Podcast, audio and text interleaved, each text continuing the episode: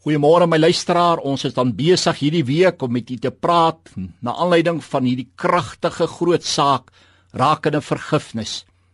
Wat 'n wonderlike ervaring is dit nie as 'n mens jou lewe en alles vir Jesus Christus gegee het en hom aangeneem het as verlosser en saligmaker en hy 'n mens totaal vergewe het van alle sondes.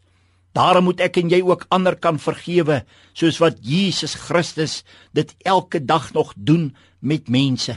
Daarom moet ek en jy ook ander elke dag kan vergewe. Kom ons kyk verder na verklaringe rakende om nie te vergewe. Ons tiende verklaring om nie te vergewe produseer bitterheid.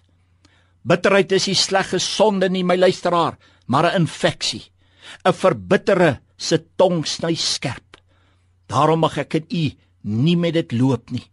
Ons 11de verklaring. Verbitterheid lei tot kwaadspreek.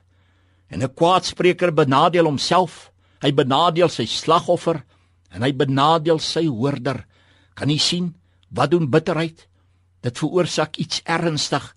Daarom moet ek en jy kan vergewe. Ons 12de verklaring.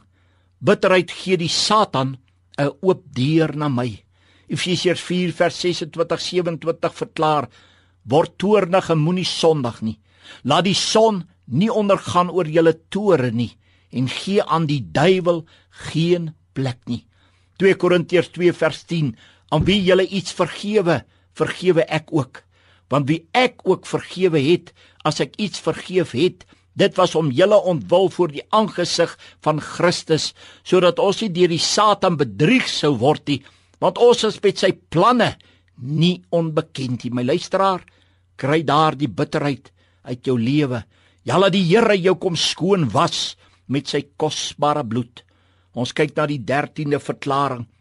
Dit verhinder en verbreek gemeenskap met God.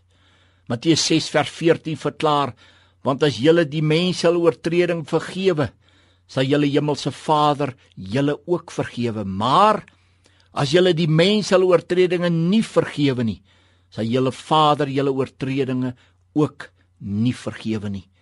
Luisteraar, verstaan u vanmôre waarom vergifnis so ernstige saak en daad is wat ons daagliks moet doen. Kom ons vergewe vanoggend. Kom ons loop nie verder met dit ons lewe rond nie. Mag die Here jou help. Amen.